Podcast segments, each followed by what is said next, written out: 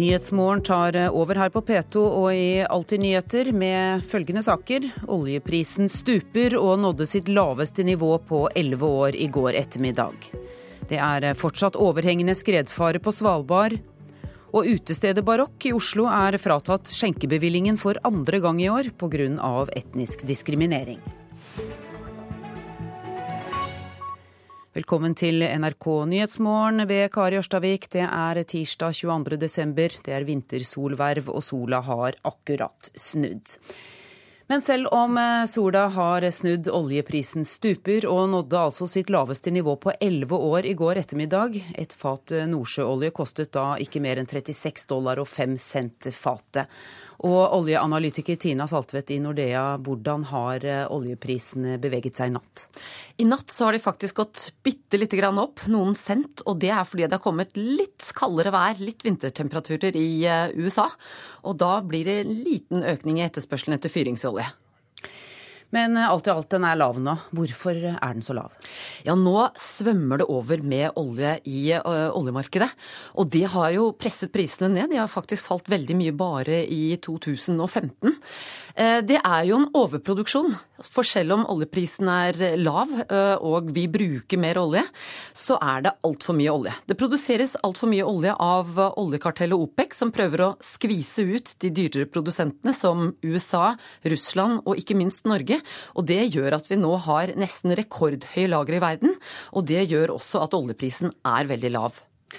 Kan, eh, kan, prisen på olje falle enda mer i dagene framover, frykter du? Ja, den kan jo det. Eh, nå er det jo litt tilfeldig at den bare har gått opp nå i løpet av natten. Det er klart at det ligger ikke an til å bli en veldig kald eh, juletid. I tillegg så er det jo spesielt mellom jul og nyttår så er det jo veldig få som driver og handler i oljemarkedet. Og det gjør ofte at det er lite likviditet, og det gjør også at prisene fort kan falle ytterligere.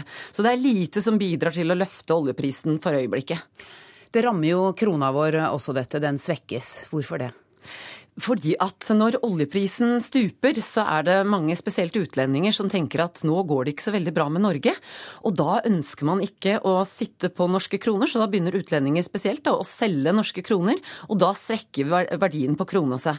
Så det har vi jo merket veldig mye når oljeprisen har stupt, at, at krona også har svekket seg samtidig. Men er det, dette til en viss grad positivt for Norge også, at krona svekkes? Ja, det er jo det vi, vi, får god drahjelp av nå. Fordi at eh, eksportindustrien utenfor olje og gass, de har jo veldig gode tider nå. F.eks. fiskeri eller uh, annen type eksportindustri. Uh, nettopp fordi at krona har svekket seg, så blir vi mer konkurransedyktige ute. En annen faktor er jo at oljeindustrien har jo vært lønnsledende, slik at lønningene øker ikke like fort. Og det gjør at vi er enda mer konkurransedyktige når vi da skal selge varer varene våre ute i Europa. Må dere i Nordea også justere ned forventningene til eh, oljeprisen neste år?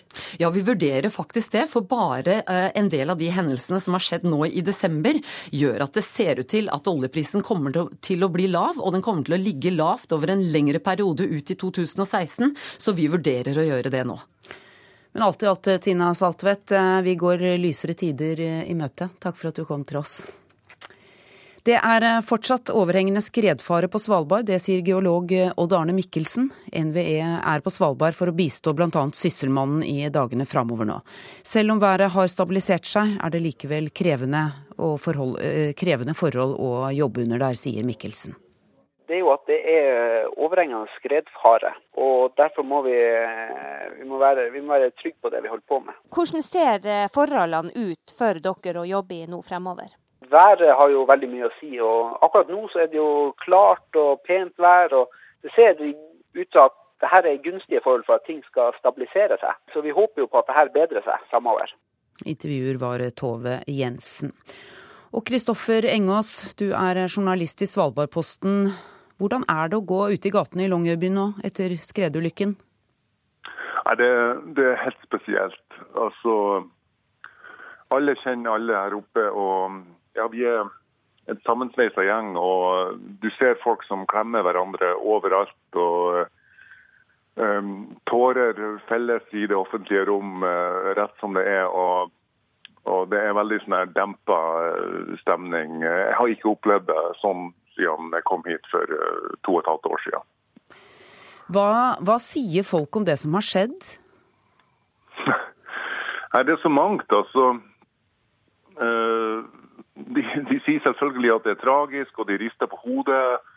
Uh, alle visste av uh, disse som døde, og så er det noen som er litt sånn her, ja, hva man skal si, etterpåklok og sier at altså, hvorfor tenkte vi ikke på det? Hvorfor liksom, hvorfor slo det oss ikke at det kunne komme et ras? vi hadde jo orkan og, og storm ifra fra øst og på, i sånn lehellinger. Så hvorfor tenkte vi ikke på det? Den Sukkertoppen den er jo i lehellinga av den stormen. og ja, Det har jo vært antydet tidligere også at det kunne gå ras her i dette området? Ja, du verden. Altså, området er definert som rasfarlig, men bebyggelsen ble jo satt opp før vi kom så langt. Og, og folk har fått lov til å bo der. og og så er det veldig mye spekulasjoner i byen også om, om resten av bebyggelsen. Vi, kan vi bo så nært inntil disse fjellene rundt Longebyen? Longyearbyen? Longyearbyen ligger jo i ei grop eh, med, med, forholdsvis høye fjell på to kanter. da. Hvordan, se, ja, hvordan ser det egentlig ut der, der raset gikk? Nei, det er jo et, eh, det er jo en slagmark. Eh, husene står jo omtrent som eh, legoklosser som er sluppet ned tilfeldig. Altså, mange hus flytta på seg, og, og, andre hus ble bare rett og slett knust. Sånn er det. Men husene kommer ikke til å bli bygd opp igjen på samme sted. Betyr det at, at byen etter dette vil bli endra? Jeg tror, nok, jeg tror nok det her er en skjellsettende greie for Longyearbyen. Husene eh, vil ikke bli bygd opp der de sto. Det, det tror ikke jeg, altså, men det er jo bare noe som jeg, som jeg tror. Uh, og Så blir det et spørsmål om resten av bebyggelsen på andre sida av dalen, om den òg blir, blir, vurdert som farlig. Og nå får vi jo Til neste år får vi jo skredvarsling på, på Svalbard. og Kanskje det hjelper litt i ekstreme værperioder at vi at, at folk blir evakuert, rett og slett. Takk for at du var med oss i Nyhetsmorgen, Kristoffer Engas. Utestedet Barokk i Oslo er fratatt skjenkebevillingen for andre gang i løpet av 2015 pga. etnisk diskriminering. Under en kontroll i oktober i år ble, ble en gruppe ikke-etniske nordmenn nektet adgang til utestedet. Og det er bare et halvt år siden samme utested ble straffet for akkurat samme lovbrudd, og mistet retten til å servere alkohol i en uke. Altså For Oslo kommune så er det å jobbe mot diskriminering en veldig viktig oppgave. Og selvfølgelig, utelivet er viktig. Alle i byen skal ha tilgang til utelivet, skal kunne kose seg, skal kunne være sammen. Og vi ser alvorlig på at det er et utested nå som for annen gang får eh, reaksjoner pga. diskriminering. Det sier byråd for næring og eierskap, Geir Lippestad. Det var etter en kontroll i oktober to grupper i samme aldersgruppe og lik klesstil ble sendt til utestedet. Gruppen med etniske nordmenn kom inn, mens den andre gruppen med ikke-etniske nordmenn ikke kom inn. Det er et halvt år siden samme utested ble tatt for samme brudd. Den gang mistet utestedet skjenkebevillingen i en uke. Denne gangen mister de retten til å servere alkohol i to uker pga. gjentatte brudd på diskrimineringsloven. Ja, det er jo eh, trist når man får én eh, reaksjon, og at man ikke da tar grep og, og, og gjør noe med det. Likestillings- og diskrimineringsombudet mottar ofte klager på utesteder, men nestleder Elisabeth Lier Haugseth er likevel overrasket over at det samme utestedet nå er tatt igjen. Jeg syns det er ganske forstemmende. Eh, og litt overraskende også, for eh, så vidt jeg husker så er det jo ikke mer enn et halvt år siden eh, næringsetaten inndro skjenkebevillingen for en eller to uker. Og det skulle man jo tro at de hadde lært noe av, da. At det er uakseptabelt og ulovlig å diskriminere folk. Uteliv, det skal være for alle. Så jeg syns jo det ikke er noe bra i det hele tatt. Og så er det jo for så vidt bra at næringsetaten reagerer. Skjenkebevilgningen til utestedet vil bli inndratt fra og med søndag til og med 10.10.2016. Daglig leder i Event Norway AS, som driver utestedet Barokk, Andreas Mortensen, ville ikke stille til radiointervju, men skriver dette i en e-post til NRK. Vi er sterkt uenige med næringsetatens vurdering i denne saken, samt måten som denne typen kontroller blir utført på. Vi understreker at vi ikke diskriminerer på barokk. Utover dette har vi ingen ytterligere kommentarer. I tillegg til barokk vurderer kommunen også sanksjoner mot et annet utested i Oslo sentrum. I denne saken er det fortsatt ikke fattet noe vedtak. Reporter var Øskur Tufan. Du hører på Nyhetsmorgen i NRK P2 og Alltid nyheter. Klokka er 6.43, og dette er hovedsakene nå. Oljeprisen stuper, og fallet svekker den norske krona enda mer mot alle ledende valutaer i verden. Skredfaren på Svalbard er fortsatt stor. I dag er det minnestund for Atle Husby som omkom i raset. Og for andre gang i år er utestedet Barokk i Oslo fratatt skjenkebevillingen pga. etnisk diskriminering.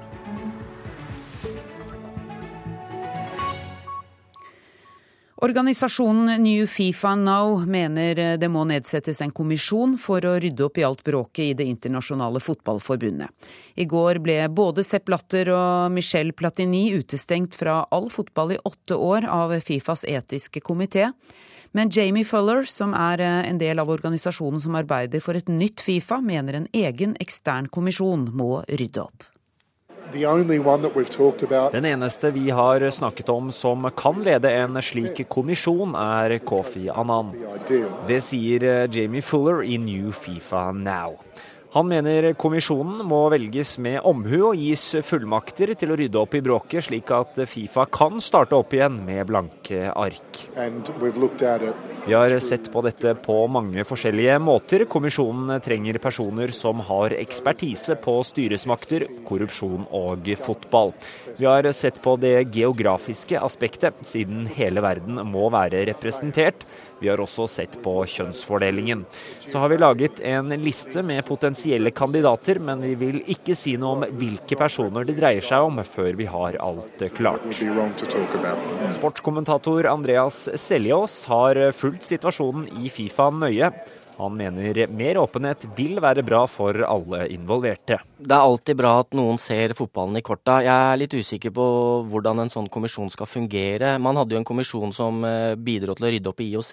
Da var det jo Henrik Isinger og store folk som eh, bidro til det. Så en sånn kommisjon må bidra til mer åpenhet, og til at reformforslag som allerede ligger på bordet, det mangler jo ikke på reformforslag i Fifa, eh, at det blir gjennomført. Men Seljås mener at Fifas etiske komité har vist mer handlekraft den siste tiden. Det som er viktig å se nå, det er at altså Fifas etiske komité har dømt eh, fotballfolk før, men det som er spesielt nå, er at de tar toppen. Reporter her var Ørjan Bjørnstad. Avisforsiden i dag nå. Norge sender ikke kampfly til Syria, står det i Klassekampen i dag. Som har snakket med kilder i regjeringen og på Stortinget, som sier at regjeringen vil vente til etter nyttår med å besvare USAs henvendelse. Nordlys skriver om folket på Svalbard som stiller opp for hverandre i sorgen etter skredulykken som tok to liv. Langt færre dør av hjerteinfarkt, skriver Aftenposten. Siden 1991 er antall årlige dødsfall av hjerteinfarkt redusert fra over 10 000 til 4000. Bytt forsikring, spar 17 000 kroner, er hovedoppslaget til VG. Avisa har også et oppslag om den økokrimtiltalte finansmannen Stein Harald Skie, som ifølge avisa skal ha skjult 485 millioner kroner i inntekt og formue. Seks av ti vil forby pelsdyrnæringen, har Nasjonen på sin forside i dag. Og viser til sin egen undersøkelse, der over halvparten av de spurte ønsker å forby pelsdyroppdrett i Norge. Dagsavisen skriver om topplederne i internasjonal fotball. Uefa-president Michel Platini og Fifa-sjef Sepp Latter forlater fotballen i skam, skriver avisa. Ifølge Bergens Tidende klarer ikke barnehagene på Løvstakksiden i Bergen å øke andelen barn som snakker norsk, til tross for et tydelig mål om å redusere minoritetsandelen i barnehagene. De forlot jobber i finans, eiendom og olje for å starte restaurant, står det i Dagens Næringsliv. Nå selger Kristin Havig Gjelseth og Anne Kristi Koppang Olivia-kjeden til oppkjøpsfondet Hercules. Så til Vårt Land. Driver satire om maktsyk Gud. Det dreier seg om en ny spillefilm der Vår Herre ifølge avisa er en ufyselig fyr som blir satt på plass av sin egen datter. Den belgiske filmskaperen mener vi må kunne le av Gud. Det har ikke vært noe godt år for forretningsmannen Tor Olav Trøim, skal vi tro Finansavisen. Trøims aksjer har falt med 1,6 milliarder kroner. Og avisa Dagen skriver om et bibelselskap som reiser til Øst-Ukraina for å gi ut bibler til soldatene ved fronten.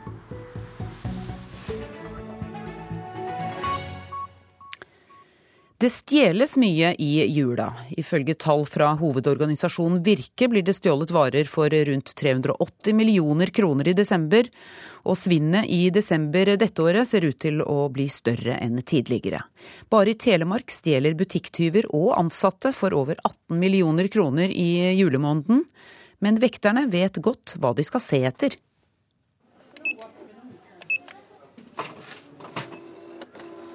Det handles mye nå før jul. Også en travel førjulsdag på kjøpesenteret downtown i Porsgrunn. Og kanskje går også noen rundt med ubetalte varer. Vi ser jo tendensen at de starter mer i begynnelsen av desember og eskalerer litt utover. Det sier vaktleder Anne Therese Rognlien i Securitas. Det er litt på hvor mye mennesker som er i butikkene, hvor lett uoversiktlig det blir for de ansatte. Hvor mye vi klarer å få med oss. Og det er, eh, det er klart det at det er de som stjeler for å få gaver, de kommer uansett om det er 3. desember eller 23. Nå er vi inne i en eh, klesbutikk her. Hva ser du etter nå? Nå ser vi etter de som har store bager, og eventuelt de som gjemmer seg litt bort. De som henter mye klær for å ta med i prøverommet, og som er veldig oppmerksomme på hvor betjeningen er. Så har du en fast rute når du kommer inn i den butikken her? Nei, det passer vi på å bytte på, i tilfelle det er noen som følger med på hvordan vi går. Hvor vil du starte nå? Nå starter vi i nærheten av prøverommet. Grab it now, tomorrow it might be gone, står det. Ja, det er vel heller mer handling. Tall fra Virke viser at det denne måneden forsvinner varer for over 22 millioner kroner i Telemark. Varer for nesten 12 millioner kroner blir tatt av butikktyver, mens ansatte i butikkene stjeler med seg for over 6 millioner kroner. Og alle typer mennesker stjeler. Det er det ingen fasit vår på. Der har vi vært borti alle. Alle aldre, alle yrkesgrupper og alle slags, eh, ja, alle slags mennesker i samfunnet. Også en familiefar blei vist bort og måtte gå tomhendt hjem en jul.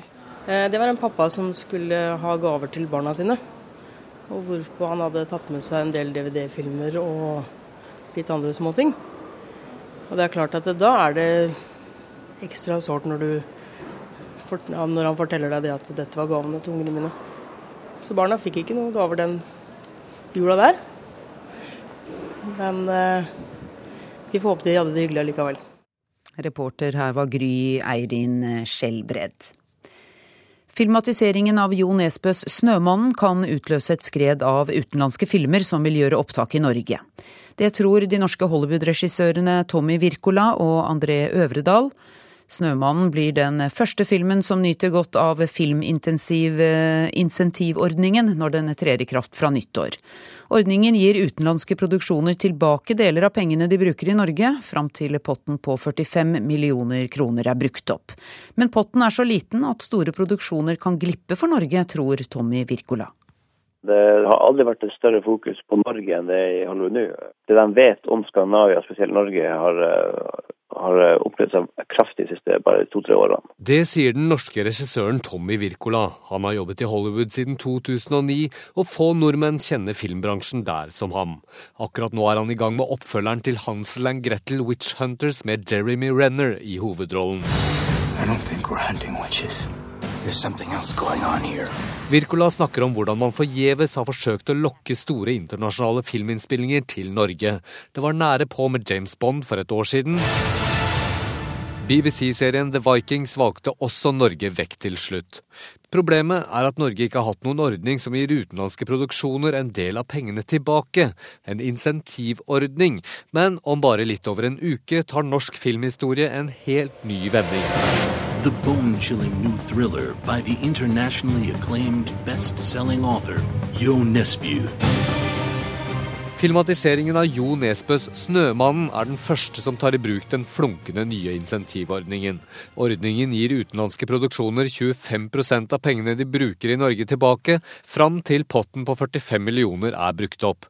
Men denne potten er altfor liten, tror Wirkola. For når Hollywood ser at 'Snømannen' spilles inn i Norge, vil flere følge etter. Hvis det går bra med 'Snømannen', så tror jeg det kan ha en veldig stor signaleffekt, og det kan bli mer og mer. Han sier de 45 millionene Norge vil bruke på utenlandsk film kanskje høres mye ut, men at det er småpenger om Hollywood først kommer og banker på døra.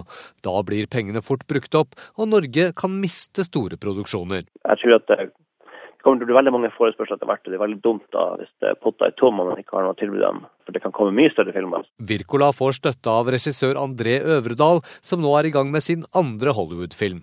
45 millioner kroner strekker ikke langt i en Hollywood-produksjon. Øvredal mener økonomene i Hollywood har stort fokus på trygghet, en trygghet de ikke får med den norske ordningen. Jeg er jo redd for at det vil plutselig begrense seg til enkeltscener og småting som folk føler seg trygge på at de kan få ut disse pengene på.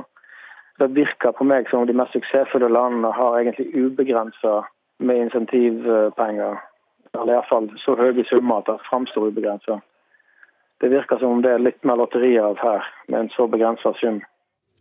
Og Kulturdepartementet har ikke hatt anledning til å kommentere denne saken. Reporter var Petter Sommer. Cecilie fra Gjøvik er blitt en gjenganger på sosiale medier med sin selvkomponerte sminke, som hun viser hvordan man bruker. Videoene hun legger ut på YouTube er nå sett over 53 millioner ganger. Helt unikt, mener en ekspert på sosiale medier, som tror Cecilie kan få en sterk offentlig stemme framover. Skal vi se Cute. Love the blue. This is beautiful. Those uh, blends are awesome. Klokka er 11 på kvelden i hybelen på Gjøvik. Cecilie Alstad Olsen har akkurat lagt ut en ny video på YouTube-kontoen sin. The blue is absolutely gorgeous. Og da blir jeg så glad når jeg får sånne der. 188 000 følgere gir umiddelbar respons. Ja, så nå er jeg litt i lykkeruset nå på kveldinga her når jeg legger ut det her. Ja, Det er veldig spesielt. Det er veldig imponerende å, å ha klart å bygge en så stor eh, fanskare på internett eh, i 2015. Så det er, jeg er ikke så overraska, for hun er veldig dyktig, men det er veldig stort. Ingvild Moen i Resonate er digital rådgiver og ekspert på merkevarebygging i sosiale medier. Hun har jo funnet noe da, som hun gjør som ingen andre gjør, så hun er jo helt unik. Sånn. Får se om øyet blir i fokus. Cecilie har funnet fram en palett med sminke, koster og speil. Ei sterk lampe gir lys, og nå justerer hun kameraet for best mulig bilde. Øyesminken hun legger er inspirert av en Disney-karakter stemt fram av følgerne hennes. Eh, så det blir veldig mye blå og glitrende sminke i dag. Hun studerte økonomistyring da hun oppdaga mulighetene på YouTube. Fra jeg var to år så skulle jeg ha på meg rød leppestift og blush. og Hvis jeg skulle på bursdagsselskap, så skulle det være sminke på. så jeg, har alltid likt det. Men nå lever hun av hobbyen sin. En video i uka gir en vanlig månedslønn, og så langt er videoene hennes sett over 53 millioner ganger. Jeg tror ikke jeg skjønner det helt sjøl. Man ser jo det at eh, de store personlighetene i sosiale medier de har både stemmer på en måte i nyhetsbildet etter hvert også, i tillegg til at de da kan gjøre disse mm, kommersielle samarbeidene som gjør at de kan tjene penger på det. Så de kan både ha økonomiske utbytte av det, men også på en måte rent i samfunnsdebatten og sånne ting, hvis man velger det fremover. Da. Så ganske spennende tider i møte. Skal vi se. Det her er hale, da. Så øverst her så har jeg bare mm, løse øyenskygger. Og så er glitter i denne skuffa. Her er en eggelakk. Sminke som levebrød vil hun fortsette med så lenge hun syns det er moro. Det er jo mye arbeid, det er jo flere dager med arbeid, og man blir litt sliten. og sånn, så man tenker uh, at uh, ja, Orker man å gjøre det videre, liksom? Men med en gang man får kommentarer fra dem som følger deg, så, og får så mye positivt, så blir man så glad og så får så mye energi og motivasjon til å fortsette videre og vil gjøre det bedre kanskje til neste gang. Reporter her var eh, Jorunn Wang. Vi har kommet til været. Fjellet i Sør-Norge minking til sørvestlig stiv kuling utsatte steder. Snøbyger. Utpå dagen vindregning mot sør, stort sett oppholdsvær. Utover ettermiddagen snø og regn under ca. 700 meter. Og i kveld blir det sørvestlig liten kuling og snøbyger. Østafjells sørvestlig bris, periodevis stiv kuling på kysten. Stort sett oppholdsvær. Fra i ettermiddag regn fra vest. Snø nord på Østlandet. Og ellers over ca. 700 meter. Og i kveld blir det overgang til bygevær. Vestlandet sør for Stad sørvestlig liten kuling. Stiv kuling nær Stad. I formiddag økning til sørlig sterk kuling. Kan hende liten storm ved Stad. Og i kveld sørvestlig stiv kuling, sterk kuling ved Stad. Regn og regnbyger blir det også. Nedbør som snø i fjellet. Møre og Romsdal og Trøndelag sørvestlig liten og periodevis stiv kuling. I ettermiddag dreiende sørvestlig og litt minkende. I kveld sørvestlig stiv og periodevis sterk kuling. Det blir perioder med regn og snø i fjellet. I Nordland nordlig frisk bris, minkende til skiftende bris, etter hvert stort sett oppholdsvær. I kveld sørøstlig liten kuling og etter hvert regn på Helgeland. Ellers sørøstlig frisk bris og oppholdsvær.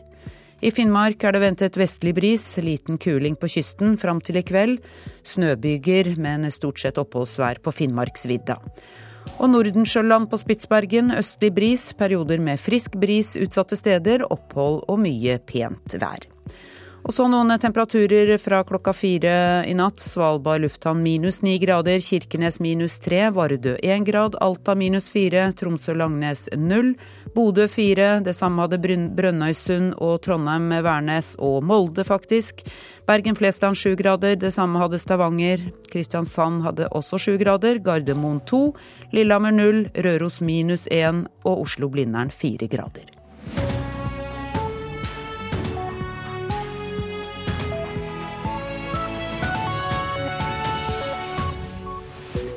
Nyhetsmorgen fortsetter med Kari Ørstavik i studio, nå med disse sakene. Vi skal fortsette byggingen av kollektivfelt, lover samferdselsministeren. I dag er det minnestund for 42 år gamle Atle Husby som omkom i snøskredet på Svalbard. Og Norge kommer ikke til å sende kampfly til Syria for å slåss mot IS, skriver Klassekampen og viser til anonyme regjeringskilder.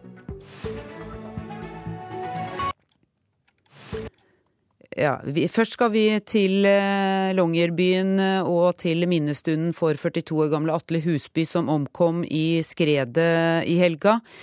Eh, reporter Nils Meren, denne minnestunden begynner jo ikke før klokka ti. Du er i Longyearbyen. Kan du fortelle litt om hva som skal skje? Det skal være, som du sier, en minnestund hvor nær familie, venner av Atle Huseby kommer til å være med. Mannskoret skal synge. Han var også et medlem av mannskoret. Presten er også et medlem av mannskoret. Nå skal altså han forrette en minnestund for sin venn. Og kisten til avdøde kommer også til å være til stede i kirken, Svalbard kirke, klokka ti. Det er en, eh, en stemning i Longyearbyen nå som eh, ja, nesten er til å ta og føle på av eh, ja, dempethet, av sorg. Når man står her utenfor kirken og ser over til Sukkertoppen, så ligger det en fin og hvit slett, men litt ned til siden her, ned mot byen, så ligger den som et stort skrubbsår der raset har gått. Området er eh, opplyst nå og eh, minner folk her på hva som skjedde lørdag da raset gikk og tok eh, to liv. Og ja, det er, det er ja, Tilbake til, til selve ulykken, Nils Meren. Hvordan går det med opprydningsarbeidet? Jeg ser det er maskiner eh, i nærheten der borte som eh, jobber eh, med det akkurat nå. Det er fremdeles vakthold, for man får ikke slippe til i enkelte av disse husene. Der går folk døgnet rundt på, på vakt. Det er folk i byen her som gjør dette, som er med i hjelpekorpsene som, eh, som, tar dette på turnus.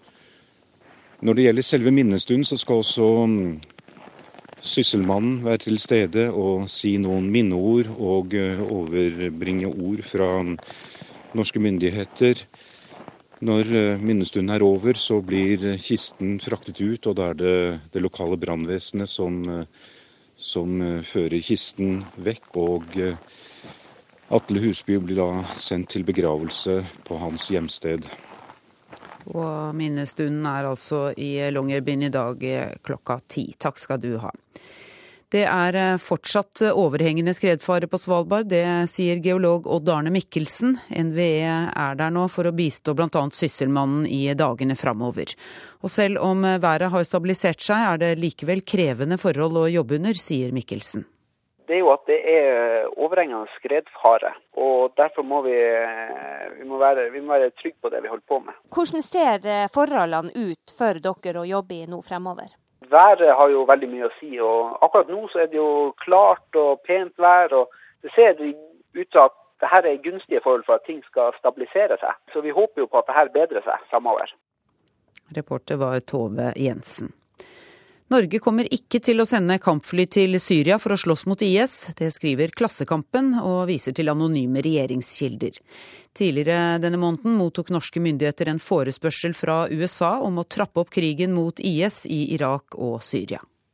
Vi gjør nå en vurdering av den henvendelsen vi og veldig mange andre land har fått. Det sa forsvarsminister Ine Eriksen Søreide til Dagsnytt 18 8.12.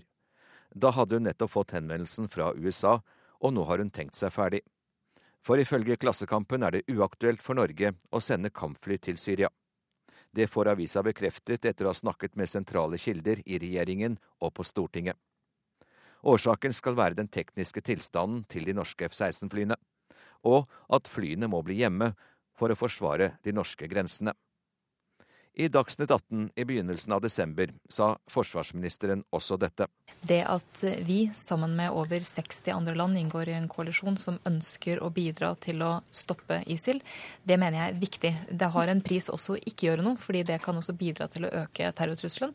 Bare tanken på å sende kampfly til Syria ble møtt med motstand både i Senterpartiet og SV. Og i helgen advarte Arbeiderpartiets Jonas Gahr Støre mot å krige i landet. Rett over nyttår skal amerikanerne få endelig beskjed om at de norske kampflyene blir i Norge, ifølge Klassekampen. Det sa reporter Hans Jørgen Solli. Samferdselsminister Ketil Solvik-Olsen sier det skal bygges kollektivfelt til neste år. Veidirektoratet har opplyst til NRK at i 2016 ikke skal åpnes nye kollektivfelt, men Solvik-Olsen mener det ikke gir et riktig bilde. Det bygges kollektivfelt mange steder i landet, og det bevilges eh, store midler til det òg i 2016-budsjettet. Under flere ulike programposter så, så, gjøres det det. Det er en egen programpost for eh, kollektivfelt eh, og universell utforming. Der ligger det rundt 90 millioner fra staten og rundt 55 millioner fra eksterne kilder, altså rundt 150 millioner kroner. I tillegg så ligger det 1,3 milliarder kroner i såkalt belønningsordning for kollektivtiltak i byene. Det er kollektivfelt, andre investeringer og utbedringstiltak. Så det skal altså brukes rundt 1,4, nesten 1,5 milliarder kroner til kollektivsatsing i eh, byer og rundt omkring. Hvor mange kilometer som faktisk blir bygget i 2016, mener Solvik-Olsen det er vanskelig å spå nå. Nei, Vi snakker jo om flere kilometer, men det er usikkert nå å si nøyaktig hvor mange. I 2014 så var planen å bygge to kilometer, en endte opp med å bygge nesten seks. Eh, det, det skjer altså mye. Pengene kommer. Eh, når ting offisielt bør åpne, snorer blir klippa og sånne ting, det vet ikke jeg ennå. Men vi har altså ikke ennå sendt tildelingsbrevet til Vegvesenet for hvordan de skal disponere penger, hvilke oppgaver vi forventer at de skal gjøre i 2016. Og da er det litt rart å høre at de sier det skal ikke bygges en meter. Ifølge opplysninger NRK har fått av Veidirektoratet, vil det ikke åpnes nye kollektivfelt i 2016. Det er det for tidlig å si noe sikkert om nå, sier Solvik-Olsen. Han sier det helt sikkert vil bygges kilometer med kollektivfelt, og at han har håp om at noen av dem også vil åpnes innen 2016 er omme. Ja, Det har jeg absolutt. Vi åpna altså tre ganger mer kilometer kollektivfelt i 2014 enn det som opprinnelig var planlagt. Så her handler det egentlig mest om å ha god framdrift. Og så er det òg sånn at i den programposten som NRK har fått svar på, så er det en liten del av alle de midlene som skal brukes på kollektivfelt rundt omkring i landet. Så det finnes mange ulike poster en kunne blitt intervjuet om, som hadde vist at bildet er langt mer positivt og offensivt enn det som en har fått inntrykk av. Kan du love at det blir åpnet eh, nye kollektivfelt i 2016? Jeg skal i hvert fall love at sjansen er veldig stor, for når vi har rundt 1,5 milliard kroner til å bygge kollektivfelt og andre kollektivtiltak, så er det mye penger i omløp. Reporter var Halvard Norum. Representanter for opposisjonen i Sør-Sudan kom i går kveld fram til en del av en fredsavtale som tar sikte på å få slutt på den to år gamle borgerkrigen. Norske myndigheter mener opposisjonens tilbakekomst til hovedstaden Juba kan bli et vendepunkt for Sør-Sudan. I august underskrev stridende leder i Sør-Sudan en fredsavtale, men gjentatte brudd på avtalen har gjort at FNs generalsekretær Ban Ki-moon har stilt spørsmål ved fredsviljen til landets president Salva Kiir og visepresident Rik Mashar. President Kiir, som tilhører folkegruppa dinka, sparket for to år siden visepresident Mashar, som er nuer. Dette utløste en blodig borgerkrig som har kostet titusener av mennesker livet og drevet over to millioner på flukt. Utenriksminister Børge Brende sier til NTB at arbeidet med å etablere en overgangsregjering nå kan komme i gang, og at vi forhåpentligvis er et skritt nærmere slutten på denne tragiske konflikten. Reporter var Tom Ingebrigtsen. Velkommen til Nyhetsmorgen, Marit Hernes. Du er leder for støttegruppa for Sudan og Sør-Sudan, og gratulerer med dagen, du har bursdag. Takk for det. Er du enig i at vi kan gå mot en slutt på krigen i Sør-Sudan, da? Jeg skulle nok veldig gjerne se så optimistisk på det. Men ehm, det beste jeg kan si, er at fra et norsk synspunkt så er det et gjennombrudd for å få prosessen videre. En fredsprosess som dessverre eh, ikke veldig mange eh, satser på at kommer til å føre fram, men som vi er nødt til å satse på for å fullføre den prosessen som er satt i gang. Det ehm, er nettopp det han snakket om, viljen den manglende viljen til å gjennomføre det. Og så langt har vi vel sett at uh, Salva Kirs regjering har lagt ganske mange nye snubletråder i veien for at den prosessen som nå uh, tidligere president i Botswana, Mugae, skal og den, hans, um, hans uh, Joint Monitoring and Evaluation Committee skal sette i gang. Og det er en lang, lang prosess. Du eh, kom eh, hjem fra Juba for bare noen dager siden. Hvordan vil du karakterisere situasjonen der nå? Det var fire år siden jeg hadde vært der. Og den optimismen og uh, i det hele tatt uh, gleden over det som hadde skjedd, var så påtakelig den gangen. Det var, uh, det var liksom ingen som snakker om noe tilbakeslag. Så å komme dit nå fire år etterpå og oppleve at det er en situasjon som er så spent at den er til å ta og føle på. Og det lå på en måte en slags eh, forventning om, om eh, et slags eh, klimaks i lufta. Altså at man ventet på noe. Stille før stormen? Ja, men jeg er ikke sikker på at uh, det de ventet på, var at brikkene til fredsprosessen skulle falle på plass. Hvis det nå skjer, så, så um, noen uttalte det av de som jeg snakket med, var så kommer det som en big surprise. Og ingenting ville være bedre enn det. For det er klart, det har, denne borgerkrigen har påført befolkningen kanskje enda større lidelser enn det jeg så under krigen. Men har du tro på at det kan bli fred? Man kan, Man kan ikke, ikke slutte å tro Nei. på det. Før eller senere så blir det det. Men eh, jeg er ikke sikker på annet enn at eh, ja, vi går et skritt fram. Vi får se hvor langt han kommer. Han kunne jo ikke starte prosessen engang før disse var på plass. Nå skal det 450 til på plass før 1.1. Og så er liksom eh, prosessen i gang, og så får vi se. Takk for at du kom til oss, Marit Hernes. I går ettermiddag nådde oljeprisen sitt laveste nivå på elleve år. Et fat nordsjøolje kostet da ikke mer enn 36 dollar og 5 cent fatet.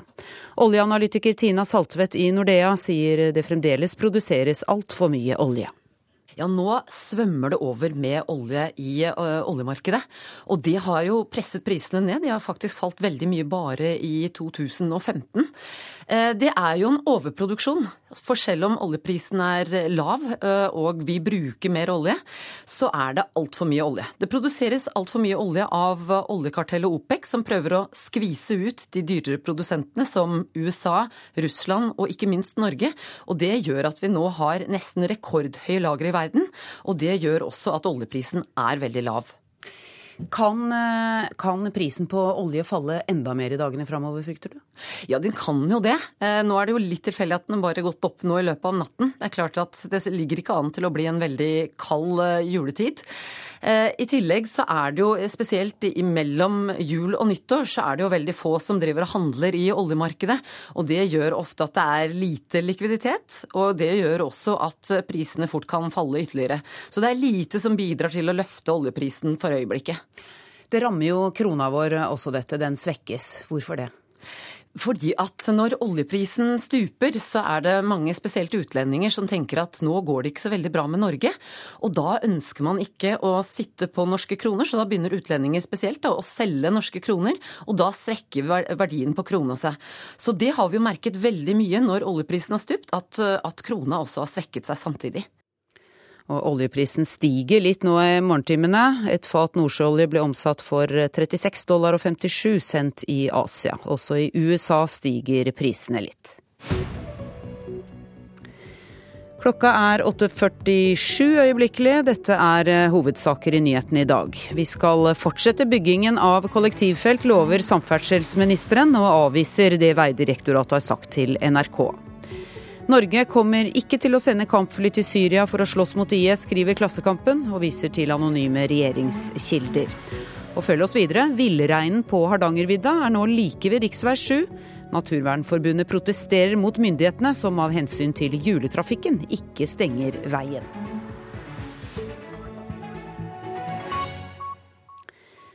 Selskapet SpaceX har skrevet romfartshistorie da en ubemannet rakett landet like i nærheten av stedet den ble skutt opp fra.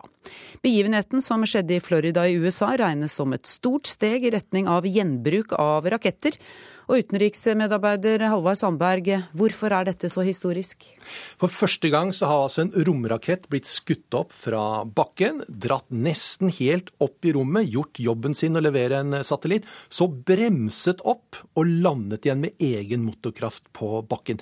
Det er historisk, det har altså aldri skjedd før. Hva er det som er så vanskelig med det?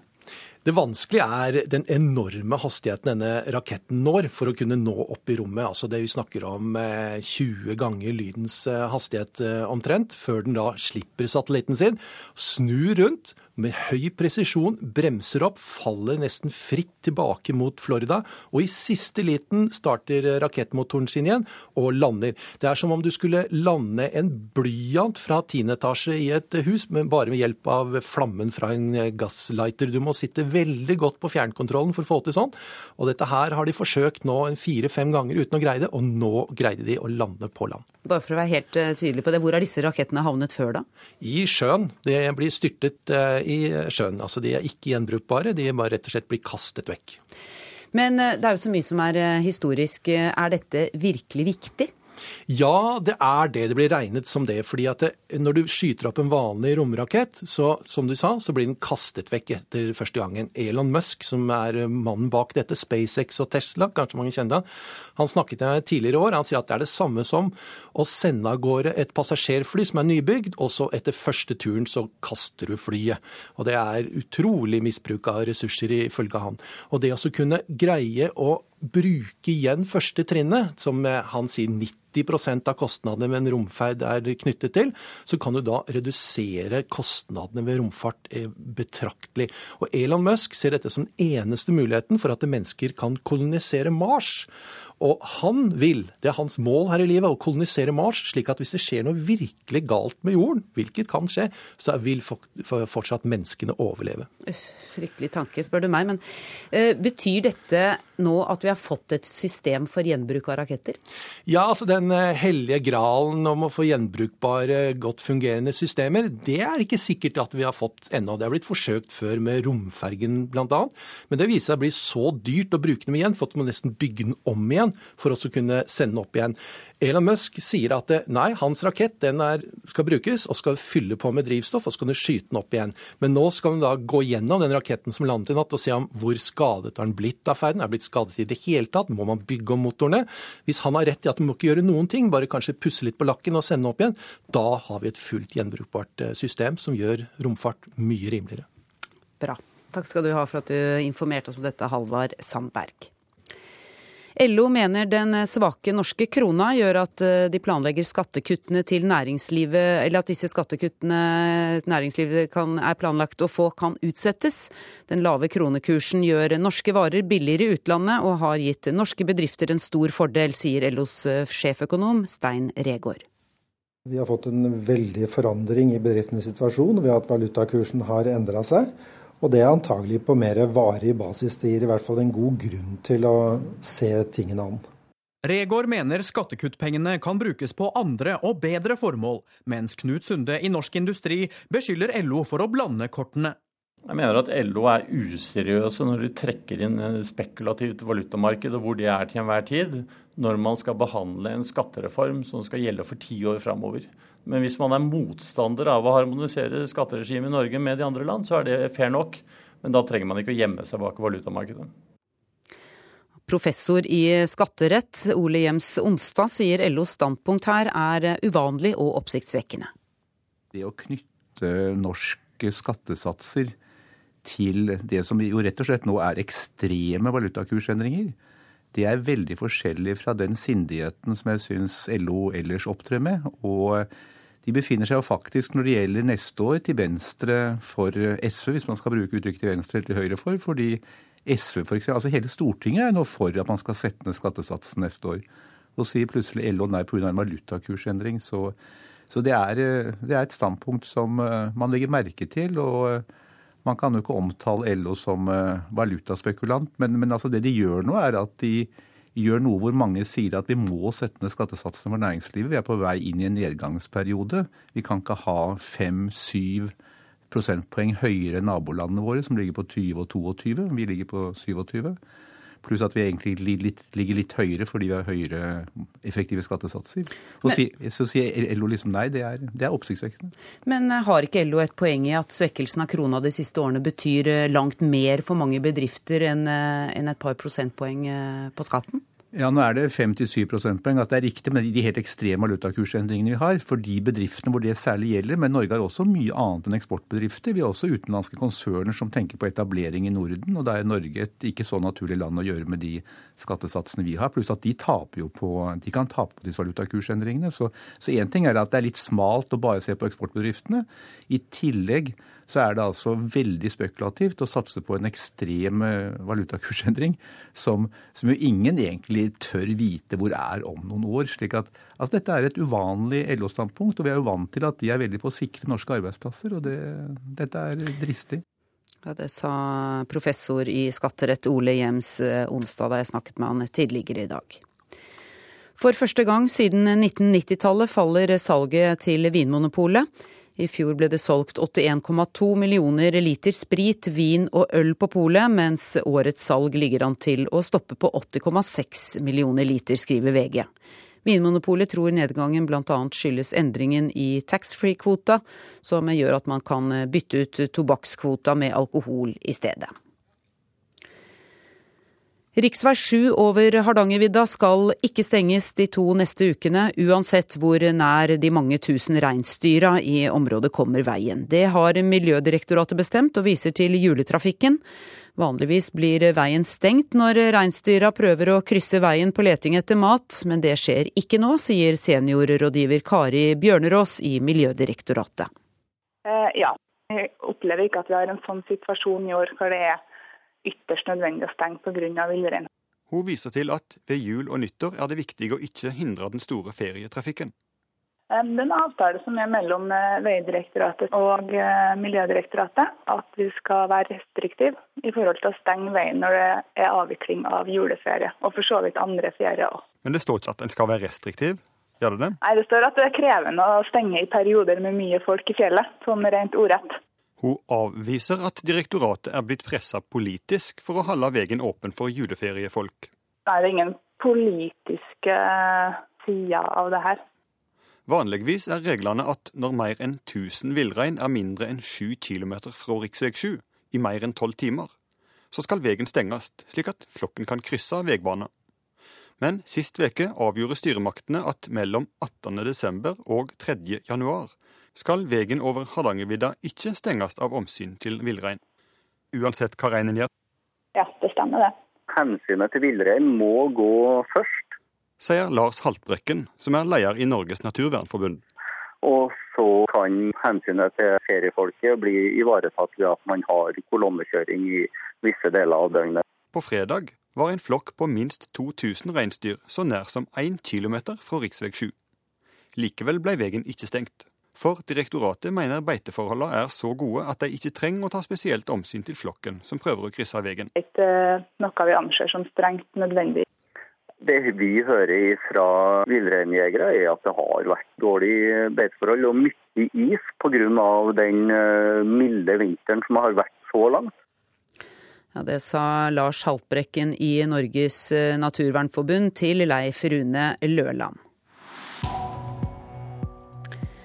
Ja, vi har eh, kommet til eh, været for i dag. Hvordan ser det ut? Nei, Vi kan ta en uh, kjapp oversikt. På Spitsbergen der blir det oppholdsvær, mye pent vær og litt kaldere utover dagen. Finnmark blåser det vestlig liten kuling og går noen snøbyger. Oppholdsvær på vidda, men det blir mindre vind og færre byger i kveld. Nordland og Troms der er det ganske rolige vindforhold. Går noen spredte byger, men mye oppholdsvær. Kveld dreier vind på sør-øst, og etter hvert så får vi inn regn på Helgeland. Møre og Romsdal og Trøndelag, her er det sørvest stiv kuling, men det dreier på sørøst, minker litt forbigående midt på dagen. Så øker det på til sørvest sterk kuling igjen i kveld, og det blir perioder med regn og snø i fjellet. Vestlandet sør for Stad har mest vind. Her øker det på til sørlig sterk kuling, opp i en liten storm eh, omkring Stad. Og i kveld sørvest kuling. Regn og regnbyger, og det blir eh, nedbør som snø i fjellet. Østafjells eh, stort sett oppholdsvær nå, men eh, det skyer til etter hvert. Og fra ettermiddag så kommer det inn regn fra vest. Nord på Østlandet og ellers over ca. 700 meter så vil det komme som snø. Så passerer nedbøren fort, så det blir overgang til bygevær igjen i kveld. Og i fjellet i Sør-Norge blåser liten til stiv kuling fra sør og sørvest. Eh, og det kommer da inn snø i ettermiddag, og det vil da komme som regn under 700 meter. Og så går det over til snøbyger igjen da i kveld. Du, Mange planlegger å reise hjem til jul. Hvordan ser det ut over fjellovergangene? Nei, Det blåser jo ikke veldig mye i dag, men det er liten kuling og snø, så det skal ikke veldig mye vind før vi da får snøfokk, så det kan nok være ganske ufyselig. Og det ser ut som alle dagene frem til jul vil preges av snøbyger og vind i fjellet, så uansett hvem dag man skal over fjellet, så bør man i hvert fall følge med på værmeldingen. Og så er det de som skal feire jul i Bergen, da. Der kan det bli vått? Der eh, er det vått, og det blir vått, og det nærmer seg nedbørrekord. De har fått over 3000 mm nedbør hittil i år, og det går mot uh, rekord, for vi mangler bare en 35 millimeter. og det er det nok håp om at Håp, det var kanskje litt feil sagt, men ser ut som at vi når det allerede julaften eller første juledag, så året har vært veldig vått i Bergen. Takk skal du ha. Ansvarlig for nyhetssendingen i dag er Gro Arneberg. Produsent for Nyhetsmorgen heter Vidar Eidhammer. Jeg heter Kari Ørstavik.